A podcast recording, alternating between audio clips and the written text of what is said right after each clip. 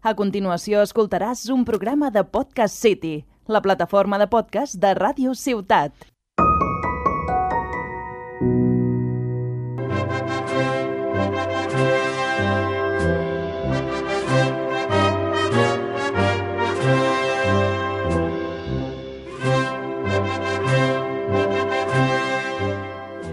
Benvinguts a Bandera Negra i Matraca, el podcast de Ràdio Ciutat de Tarragona dedicat a la Setmana Santa de la nostra ciutat. Avui, primer programa després de Setmana Santa descafeinada, que enguany hem viscut eh, més descafeinat per segon any consecutiu perquè s'ha hagut de suspendre els principals actes al carrer, com són els Via Crucis i la processó del Sant Enterrament. No obstant, malgrat que no hem pogut veure els nostres passos desfilar pels carrers, totes les confraries han treballat intensament per mantenir l'esperit de la Setmana Santa ben viu. En el programa d'avui comentarem els principals actes i iniciatives que han tingut lloc, lloc durant la Setmana Santa i seguint amb el calendari no ens podem oblidar tampoc de Sant Jordi. Juntament amb l'Andreu Muñoz de la Germandat de Jesús Nazaré i Quim Mas, coordinador de publicacions de l'agrupació d'associacions de Setmana Santa de Tarragona, ens endinsarem en, els en les principals novetats editorials de la Setmana Santa de la nostra ciutat. Comencem! Malauradament, avui no ens pot acompanyar la nostra companya Maria Grau. Des d'aquí li enviem una forta abraçada i molts ànims. Esperem que es recuperi ben aviat. Però qui sí que ens acompanya, com sempre, són els nostres col·laboradors fidels. Benvinguts Marc, Joan, Ivan... Bon dia, Montse. Molt bones, Montse. Com esteu? Suposo que ara ja, que ja han passat uns dies des de la Setmana Santa, esteu més descansats, amb energia no? gràcies a l'obertura comarcal aquesta Setmana Santa hi ha hagut molta gent pel carrer, hi ha hagut un augment clar de turistes, especialment dijous sant, no? Això ha permès més afluència de visitants als temples i, bueno, creieu que tant els tarragonins com els turistes tenien ganes de Setmana Santa? Jo crec que sí, que tenen ganes. Bueno, amb gent de Cofre que he anat parlant, tothom deia, tinc ganes, tinc ganes de Setmana Santa. Tenen ganes de sortir, que passa que tinc ganes de, de tornar a de sempre, però Costa, no? Costa. Llavors aquest any doncs, s'han fet altres activitats alternatives i és el que s'ha participat. Sí, no, no, sí, està clar, jo crec que és això, és el mateix. Sí que la gent que ho ha viscut igualment ho ha viscut des de dins i d'alguna altra manera, però jo crec que el que li dona bombo és el que fem cada any i que malauradament aquest any no ha pogut ser per segon any consecutiu. Ivan, tu com has viscut aquesta Setmana Santa? Molt intensa, no hem parat. Al canvi a la fi, bé, va començar hem començat fa molts mesos amb molts preparatius. Eh, ja sabeu que no, no només estic a la, a la cofreria, sinó també estic a l'agrupació d'associacions de Setmana Santa i, i, i hem, hem fet moltíssimes reunions, molts preparatius, eh, molta, moltes hores parlant amb les cofradies per tal d'organitzar i per tal d'obrir el màxim possible el que és la Setmana Santa a la ciutat de Tarragona, ja que no podem eh, fer processionar en l'estrict sentit de la paraula, anem, anem, la idea va ser intentar obrir el màxim possible i crec que la resposta de la ciutat va ser molt bona, per exemple, amb l'apertura dels temples, eh, els temples estaven plens, inclús cues als carrers per entrar-hi. Llavors, eh, jo crec que s'ha de valorar molt positivament. Una de les iniciatives impulsades des, la, de, des de l'agrupació ha estat la col·locació de lones no? amb les imatges dels diferents passos a, a, a molts llocs de la ciutat, des de la Part Alta fins a la Rambla, al Serrallo. Què, què us ha semblat aquesta proposta? Home, és molt xulo. Jo crec que hi havia ganes també de tornar a veure les imatges d'alguna manera o altra i ha sigut molt bona proposta i a més amb els codis, oi, que era un, un QR, un no? QR que estava molt guai perquè te portava tota la informació necessària. Sí, eh, jo bueno, he anat també fent això d'anar buscant, que es pretenia que era anar buscant les lones i veient-les, fer fotos, jo, per exemple, però també algunes persones que deien oh, és que fa goig passejar per Tarragona i veure, doncs, saps? O veure la, o la Pietat, o veure el Quig de la Sang, dona com més, més vida al carrer, no? Fa més de, fa més de Setmana Santa, sí, el que necessitàvem. Sí, i juntament amb la distribució de les banderoles, no? amb els escuts o imatges d'algunes confraries, ho hem pogut veure, hem pogut veure molts balcons no? de la ciutat, sí. eh, fent, fent una mica també com d'equip, no? també sí. reivindicant, jo sóc d'aquesta confraria, no? així com qui penja la bandera del Barça, pues, mm -hmm. hem pogut penjar no. la bandera del nostre gremi o de la nostra... Lo, lo, bonic, era, lo bonic era veure... És així, sí, sí. Fes, fes, Ivan, perdona. No, de, de, anava a dir que, que és així perquè al cap i a la fi eh, sempre, sempre s'ha donat la sensació de que la Setmana Santa ha estat molt tancada a la ciutat de Tarragona. Arriba a Sant Magí i la ciutat s'engalana. Arriba a Santa Tecla i la s'engalana.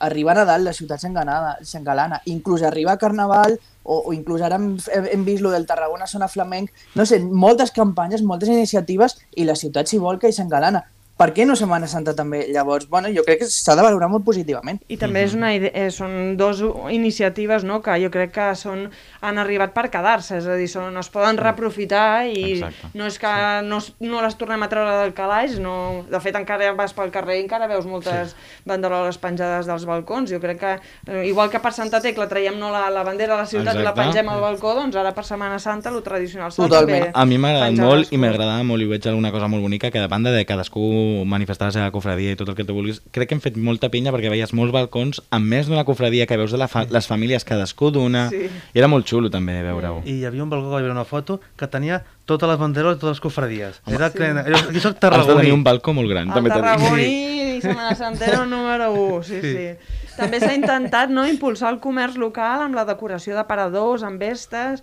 instruments musicals, fotografies i traslladar una mica la, també la Setmana Santa al mercat central amb una exposició de fotografies. Creieu que totes aquestes iniciatives són bones idees? El, el ciutadà de peu ho, ho valora? Jo crec que sí. Jo crec que, i més els que estem implicats i que ens agrada, que d'alguna manera ha sigut la, la forma de, de viure de viure aquesta Setmana Santa tan difícil. espineta, no? Exacte. És la, la forma que ten, hem pogut tenir, no? Fins a quin punt? Poc, però hem pogut viure d'alguna manera. Ivan, també s'han pri... organitzat una sèrie de taules rodones, no?, molt seguides per internet, amb moltes visualitzacions. Això també seguirà l'any durant l'any 2022, oi? Sí, aquest és un projecte de dos anys eh, i el principal objectiu d'aquest projecte eh, va ser donar veu a les persones que normalment no la hi tenen. Sempre estem acostumats a que el presi de la cofraria eh, surti en totes les entrevistes, en totes les publicacions, en tots els posts, eh, i ens oblidem de totes les persones que treballen darrere de les cofraries i de tots els, els diferents eh, estaments que tenen les cofraries. Llavors, la, la idea va ser, en, així en petit comitè, òbviament eh, havia màxim 15 persones de públic i en diferents llocs emblemàtics de Tarragona, també perquè no tenim llocs molt bonics a Tarragona i és una manera també de, de, de, de mostrar el, no només el patrimoni artístic que tenim, sinó també històric i, i cultural, Llavors, eh, que aquestes persones eh, mm, eh, tinguin la seva veu i puguin donar també la, la seva opinió. La, la primera va ser sobre la comunicació i les, uh, i les xarxes socials, que aquí la servidora va participar-hi, la Montse. Després, eh, sí, vam tenir una taula de, de, de sobre la música de, de, i les bandes de Tarragona, vam tenir una altra de sobre els, els passos portats a colls, i, i ja l'última la vam tenir també sobre la fe, no? I la, el Museu Bíblic, que l'Andreu Muñoz eh, es va portar superbé amb nosaltres. Llavors, crec que eh, la, idea, la idea també és desestacionalitzar-ho.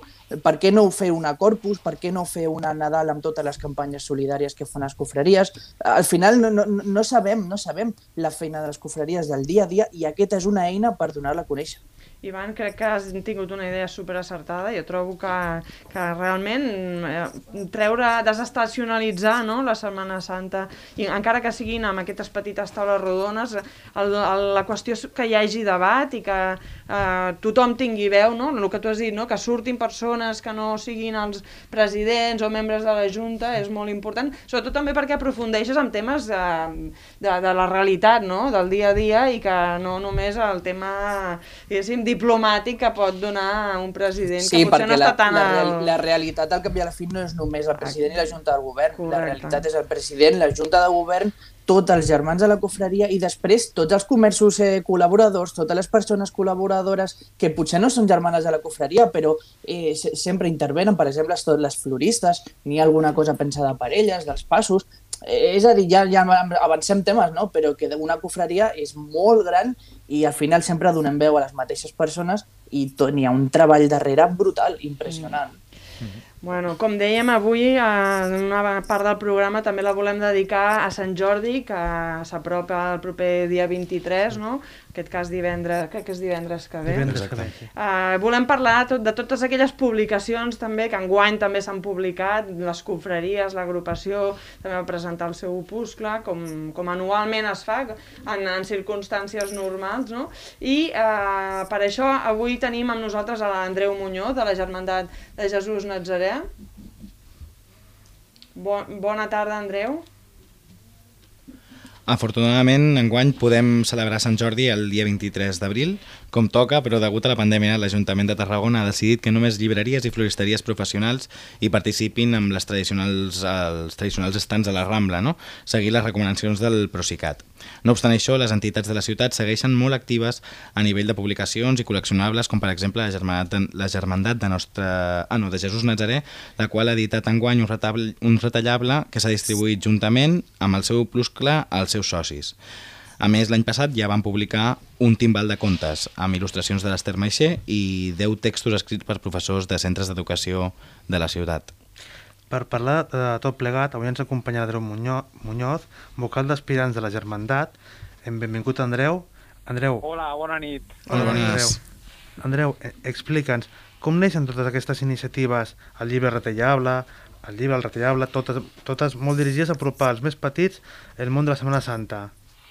Sí, bueno, són, són una mica velocitats diferents. No? El retallable va ser, de fet no va ser iniciativa nostra, va ser una iniciativa del Quim Noia, que és farmacèutic aquí a la ciutat de, a la nostra ciutat, té la farmàcia Sant Pere i Sant Pau.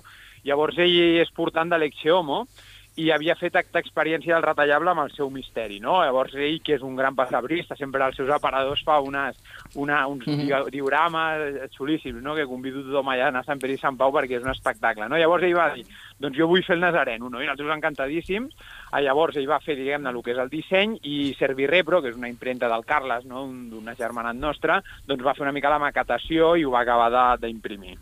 Andreu... Això perquè fa el retallable, sí, sí. Andreu, del retallable, per exemple, eh, ens pots explicar la gent que no, que no l'ha pogut obtenir? Hi ha alguna manera de poder eh, adquirir-lo?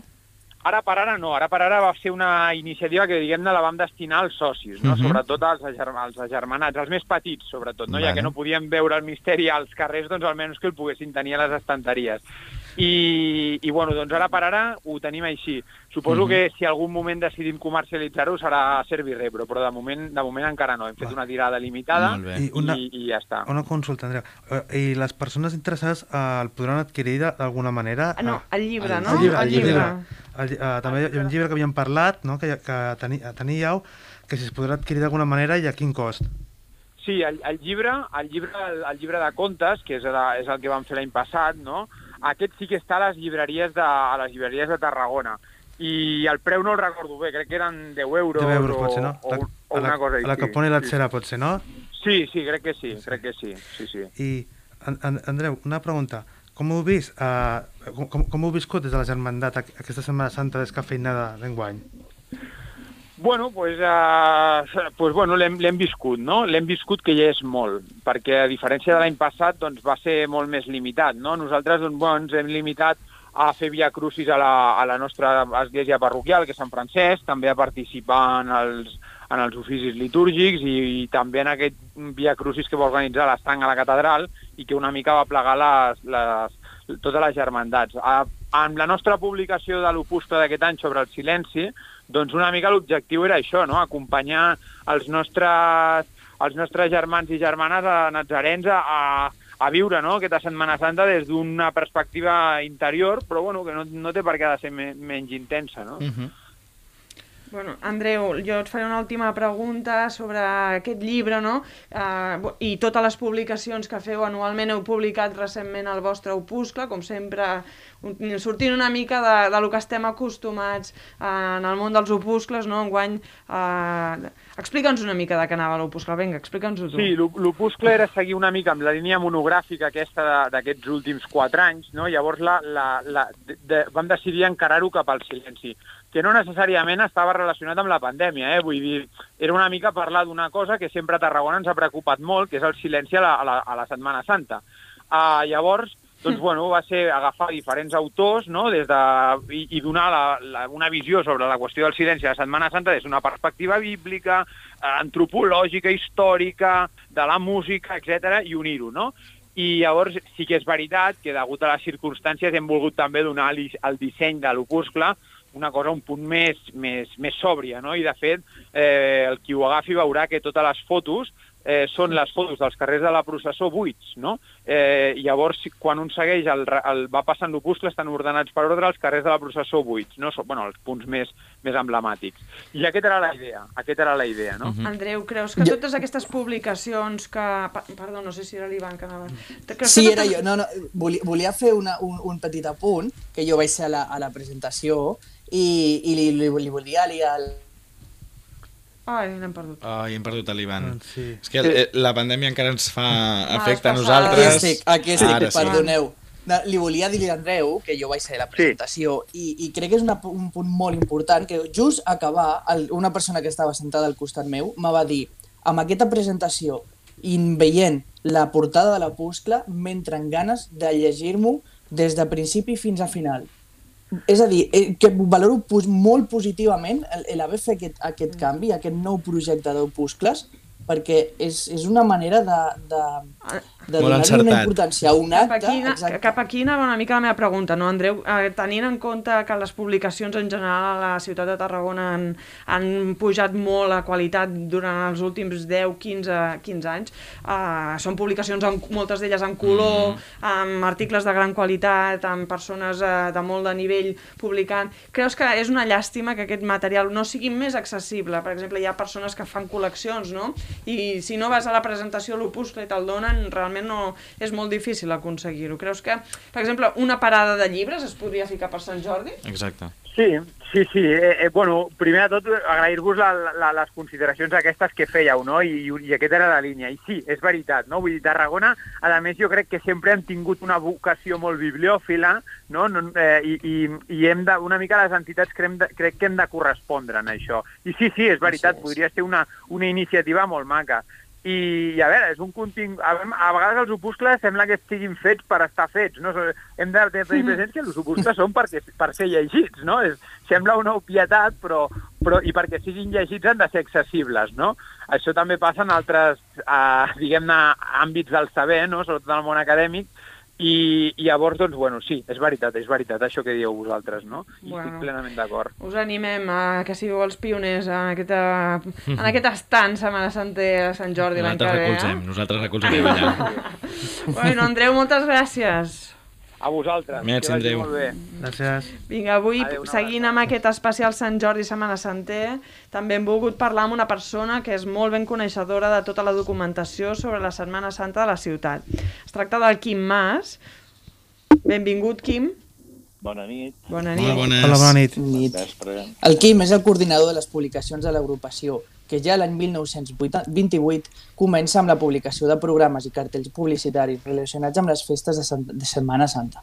En l'actualitat, hi ha molts ciutadans que tenen autèntics arxius de col·leccions d'aquest tipus de publicacions. Creus que és important posar en valor tot aquest tipus de documents? Jo crec que sí.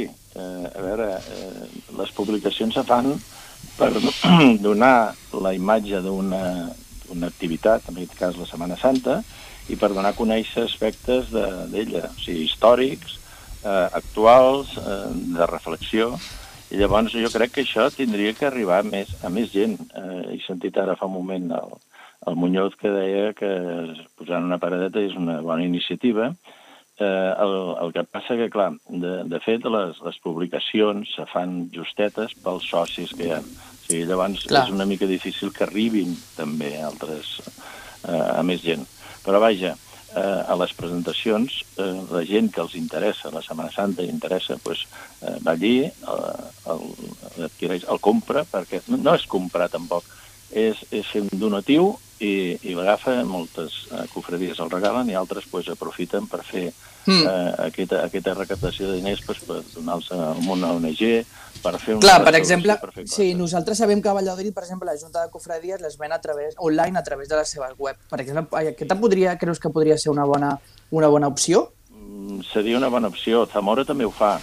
De fet, la Setmana Santa de Zamora és pionera i, a més, és molt important en, en l'aspecte de publicacions perquè té, té uns, uns autors, un, sobretot les fotografies que creen un, un concurs internacional de fotografia, que això és molt important, amb uns prèmits molt, molt bons. I llavors, clar, això ar- arriba eh, a donar una qualitat immensa a la publicació. a part de, de les, dels escrits que hi han, el contingut, que també llavors eh, a les pàgines web ho pots adquirir. Jo n'he fet, mm. precisament, n'he comprat alguna vegada. Eh? És, una bona, és una bona opció, aquesta. Eh? És una bona sí, opció. pot ser, pot ser-hi. Igualment, saps que la nostra conferència, per exemple, Cristo Amor, eh, fa uns anys, i coincidim amb el 25è aniversari, es va fer un llibre unificant tots els opuscles dels diferents presentadors de, de tots els anys. Eh, creus que també és una, és una publicació interessant i que, i que, i que pot, ser, i pot ser una bona iniciativa? Jo crec que, que això s'ha deixat de fer. De fet, eh, es va començar a l'Ajuntament, ha publicat de moment un parell de, de llibres que parlen de les, dels pregons, i el que no s'ha fet mai és a les, a les agrupacions és publicar els, les presentacions. bueno, ara, ara darrerament sí que s'està fent, eh, per omplir una mica el contingut, perquè passa una cosa, que el, la, temàtica, la temàtica que va tindre el, els llibres eh, ja està una mica limitada, perquè, clar, s'han perdut molta documentació eh, i, i ja la que hi ha és la que hi ha, no? O sigui, el que passa que eh, el, el que hi ha escrit ara quedarà per la història per les vides de les, de les cofradies. Eh? Així és. Sí.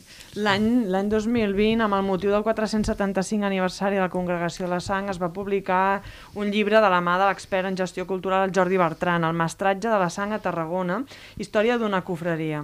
És una lectura obligatòria per tot bon tarragoní, no? ja que només, no només relata la història de la confraria, sinó que també permet identificar una manera de fer i uns valors de la societat tarragonina actual. Sovint totes aquestes publicacions permeten documentar actes, com deies, no? i vicissituds que van tenir lloc a la ciutat com els principi les principals novetats de cada any, no? totes aquelles activitats que es duen a terme. Però quins creus que són els verdaders llibres i les publicacions dels últims anys eh, importants per la nostra Setmana Santa? Quines destacaries? Bé, el més destacat, eh, jo ho dic, eh, i no, és, és el que s'ha fet a la sang, perquè és realment una història de la Setmana Santa tarragonina. De, de, des de que es va començar a fer les professons, eh, amb el, clar, tot això de, de l'edat mitjana que es van crear els, les confraries i, i, i, el, i dels gremis, eh, no, no es feien publicacions, eren coses més aviat local, però a partir de, de, del segle XVI, quan fa la professor fins ara, doncs, clar, hi ha una història que, que va lligada a la, a la història de la ciutat, perquè els, els gremis s'impliquen a les cofradies i a la professor i aporten els seus misteris. Això, de fet, només és a partir del segle XVII, però ja fins, a, fins avui en dia tot això ja, ja eh, va seguir. I crec que es té que, es, es té que recollir i aquest llibre, i aquest llibre eh, és un bon llibre per llegir extensament i conèixer la realitat de la Setmana Santa. Un després, llibre més que altres... destaquis? Sí, digues, digues.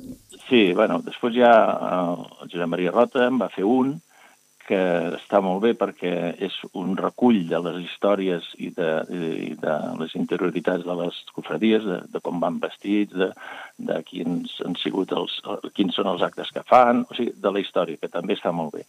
Sant a Tarragona, I... no es diu? Divendres sí. Sant a Tarragona, no? Divendres Sant a Tarragona. I després, bueno, jo també destaco els, els programes de, les, de, de totes les confraries i el de l'agrupació, que és el que acabo de sentir, que recull ha eh, la història pròpia de, de cada cofradia, de cada cofradia. I el de l'agrupació pues, recull pues, altres visions eh, històriques o, o, o de, de poemes... No? Més transversal. Tal, més, més, sí, més general i més transversal. Eh?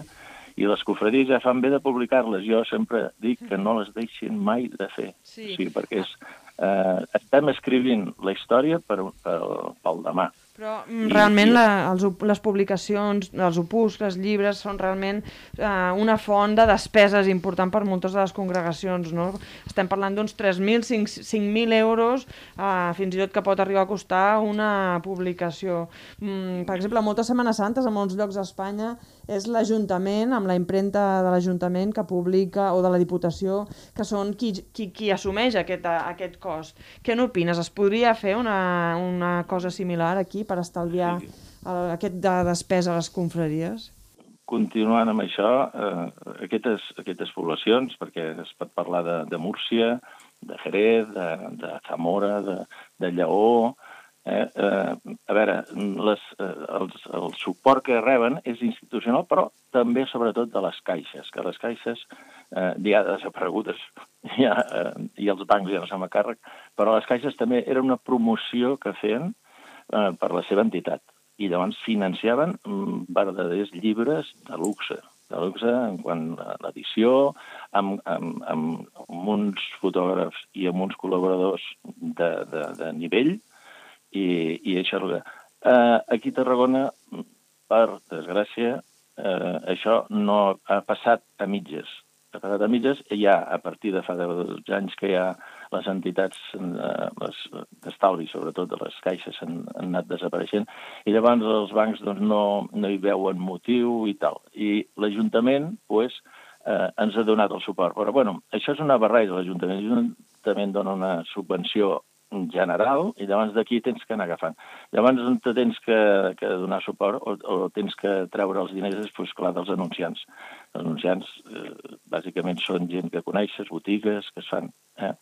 I, i darrerament, en, en, per problemes de la crisi eh, i després del Covid, doncs, han deixat de fer-ho i enguany s'han publicat llibres que, o sigui, perdó, opuscles que, que no porten anunciants perquè, clar, s'han trobat i, i els han dit que fer més petits i tal. Que és una, és una eina per, o sigui, per al futur, es té que estudiar, es té, jo crec que es té, es té que reprendre tota, totes aquestes publicacions i eh, demanar els ajuts, perquè és una font de, de, de, de publicitat també per, pels, pels que ho paguen, eh? Realment arriba a un públic molt extens, no? Tenim en compte que eh, hi ha molts, eh, cada confraria té molts eh, confrares i, i famílies senceres eh, eh, com a socis i clar, òbviament és un, potser és, la, és hora de canviar, no? De, en lloc dels comerços ajudin a, a subvencionar aquest tipus de publicacions, al revés, que siguin les entitats les que ajudin a donar visibilitat i a ser una font més d'anuncis per tots aquests comerços locals, no? També. Eh, per, per, per acabar aquí, Sí, sí. em, Sí. creus que seria una bona idea que, per exemple, l'agrupació Setmana Santa posés una, una paradeta a la Rambla o a Sant Agustí al Sant Jordi 2022 per donar sortida i accés públic en general a totes les publicacions de Setmana Santa?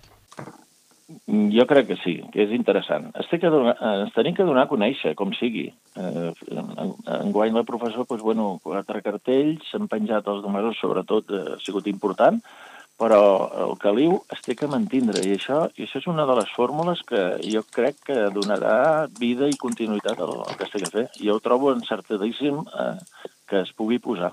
I, eh, I això pot fomentar el col·leccionisme, perquè existeix, com heu dit abans, que hi ha molta gent que, que va a les presentacions perquè es fa la col·lecció i d'allí ho va llegint durant l'any.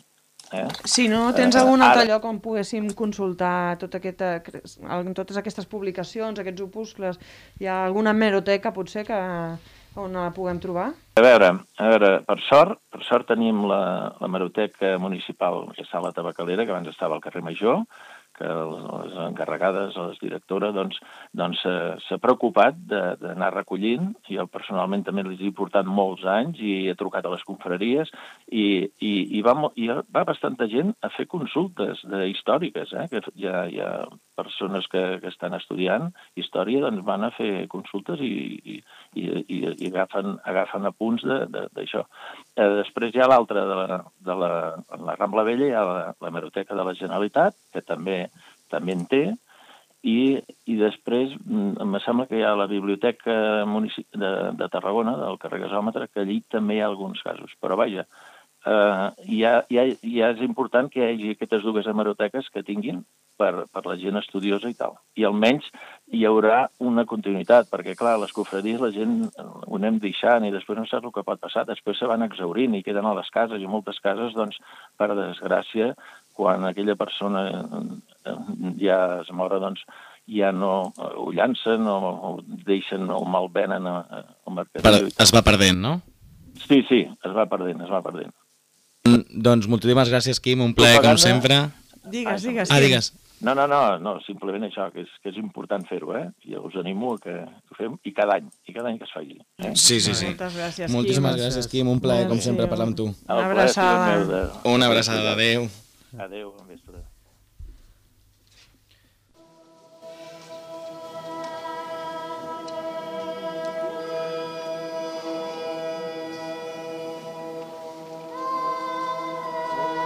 Bé, avui per acabar, com que no tenim agenda d'actes, ja que després de la Setmana Santa l'activitat cau una miqueta, ens prenem un descans i tanquem el programa amb una ruta molt especial per Museu Bíblic de la mà de la Míriam i que justament avui ens guiarà per últim cop en aquesta temporada. Avui acabarem el recorregut radiofònic pel Museu Bíblic Tarraconense. Durant aquesta temporada, programa a programa, hem anat descobrint cada sala del museu, Acabada ja l'explicació de la col·lecció permanent, només ens queda conèixer l'espai Terracròpolis i l'espai Setmana Santa. Anem a fer una breu pinzellada del que hi podem trobar. En el subsol del museu trobarem l'espai Terracròpolis, un espai per a la interpretació històrica de l'Acròpolis de Tarragona que ens permet fer un recorregut de 23 segles d'història i conèixer l'evolució històrica d'aquesta zona tan emblemàtica de la nostra ciutat i de la Casa dels Concilis, seu del museu, on es documenten estructures des d'època romana fins a un refugi antiaeri de la Guerra Civil Espanyola. A l'espai d'interpretació s'exposa una col·lecció epigràfica formada per 14 inscripcions de totes les èpoques, dues maquetes arquitectòniques, una col·lecció de gravats històrics i una de monedes des d'època ibèrica fins als nostres dies. La visita ens permet veure les restes romanes del Consell Comarcal del Tarragonès i del Museu Bíblic, una part del refugi antiaeri i la zona de cisternes històriques. Si ho desitgeu, també podeu conèixer aquest espai de manera virtual a la nostra web, on a través d'un audiovisual i de models virtuals en 3D podreu veure l'espai i la col·lecció epigràfica. Per acabar, ens queda conèixer l'espai Setmana Santa. En aquests moments el tenim situat a la sala d'actes del museu, aquest espai ens permet descobrir les imatges de la Setmana Santa Tarragonina a través de miniatures, cartells i postals de la mà de les col·leccions d'Andreu Ximenes Rovira i Josep Maria Brull Alabart. Una exposició única on es poden veure la major part dels passos en miniatura que formen la processó del Sant Enterrament. Una mostra que ens permet transmetre uns valors patrimonials i espirituals. En breu, aquest espai Setmana Santa tindrà una entitat pròpia en una sala fixa del museu, convertint-se aquest espai en el quilòmetre zero de la Setmana Santa Tarragonina, siguent el punt de partida de les visites guiades que es faran per totes les esglésies que formen part d'aquesta ruta de la Setmana Santa. Un projecte que estem treballant conjuntament amb l'agrupació d'associacions de Setmana Santa de Tarragona. Per acabar, només em queda agrair-vos la vostra atenció, agrair a l'equip de Bandera Negra i Matraca l'acolliment que ens heu fet al deixar-nos aquesta finestra radiofònica per fer el recorregut pel museu. Només em queda animar-vos a descobrir aquesta petita joia que tenim a Tarragona, que és el Museu Bíblic Tarraconense. Gràcies a tots. Fins la propera.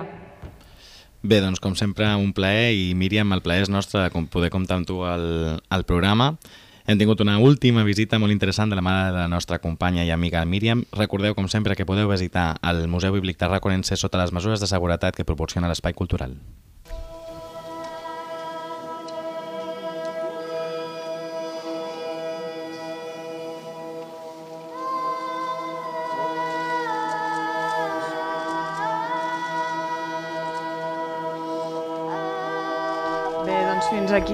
Nostre programa d'avui, aquest especial Sant Jordi i aquest primer, aquest de repàs no?, que hem fet a la Setmana Santa del 2021, com dèiem, una mica descafeinada. Sí. Esperem que el proper, el proper any puguem sortir amb una nova realitat, amb una nova Setmana Santa. Segur uh, que sí replantejada però en positiu i, i segur que jo, jo m'agrada pensar en positiu en també i, i creure que la gent sortirà amb més ganes, tindrà aquest mono de Setmana Santa i ens trobarem més que mai Esperem. Uh, processionant. Esperem que sí. Moltes gràcies companys, com sempre la vostra col·laboració inestimable Mm, ens veiem, no sabem si serà l'últim programa de la temporada o si no, doncs, bueno, en el proper programa i si no la sí. temporada vinent. Moltes gràcies per escoltar-nos, no? Molt sí. Exacte, moltes sí. gràcies jo, si em, si em permets, Montse, l'únic que voldria dir és sí. que acaba de passar la setmana, la setmana Santa 2021, però que comença l'any cofrade 2021-2022 i que no ens hem d'oblidar que, encara que sigui un any diferent, hem de seguir treballant i hem de, i, i des més que mai, les confraries més que, més que mai i que s'ha de mantenir viu i que s'ha de mantenir viu hem... i hem de començar a preparar tot el que es pugui pel 2022. S'ha d'aprofitar aquest que... punt d'inflexió. Bueno, nosaltres també sí. estarem aquí preparant, preparant els nostres ah, programes sí. i, i fotent una bona empenta a tot això que també ho necessitem després d'aquest any descafeinat. Sí. Moltes Moltes gràcies. gràcies. Una Moltes gràcies. a tothom. Moltes gràcies.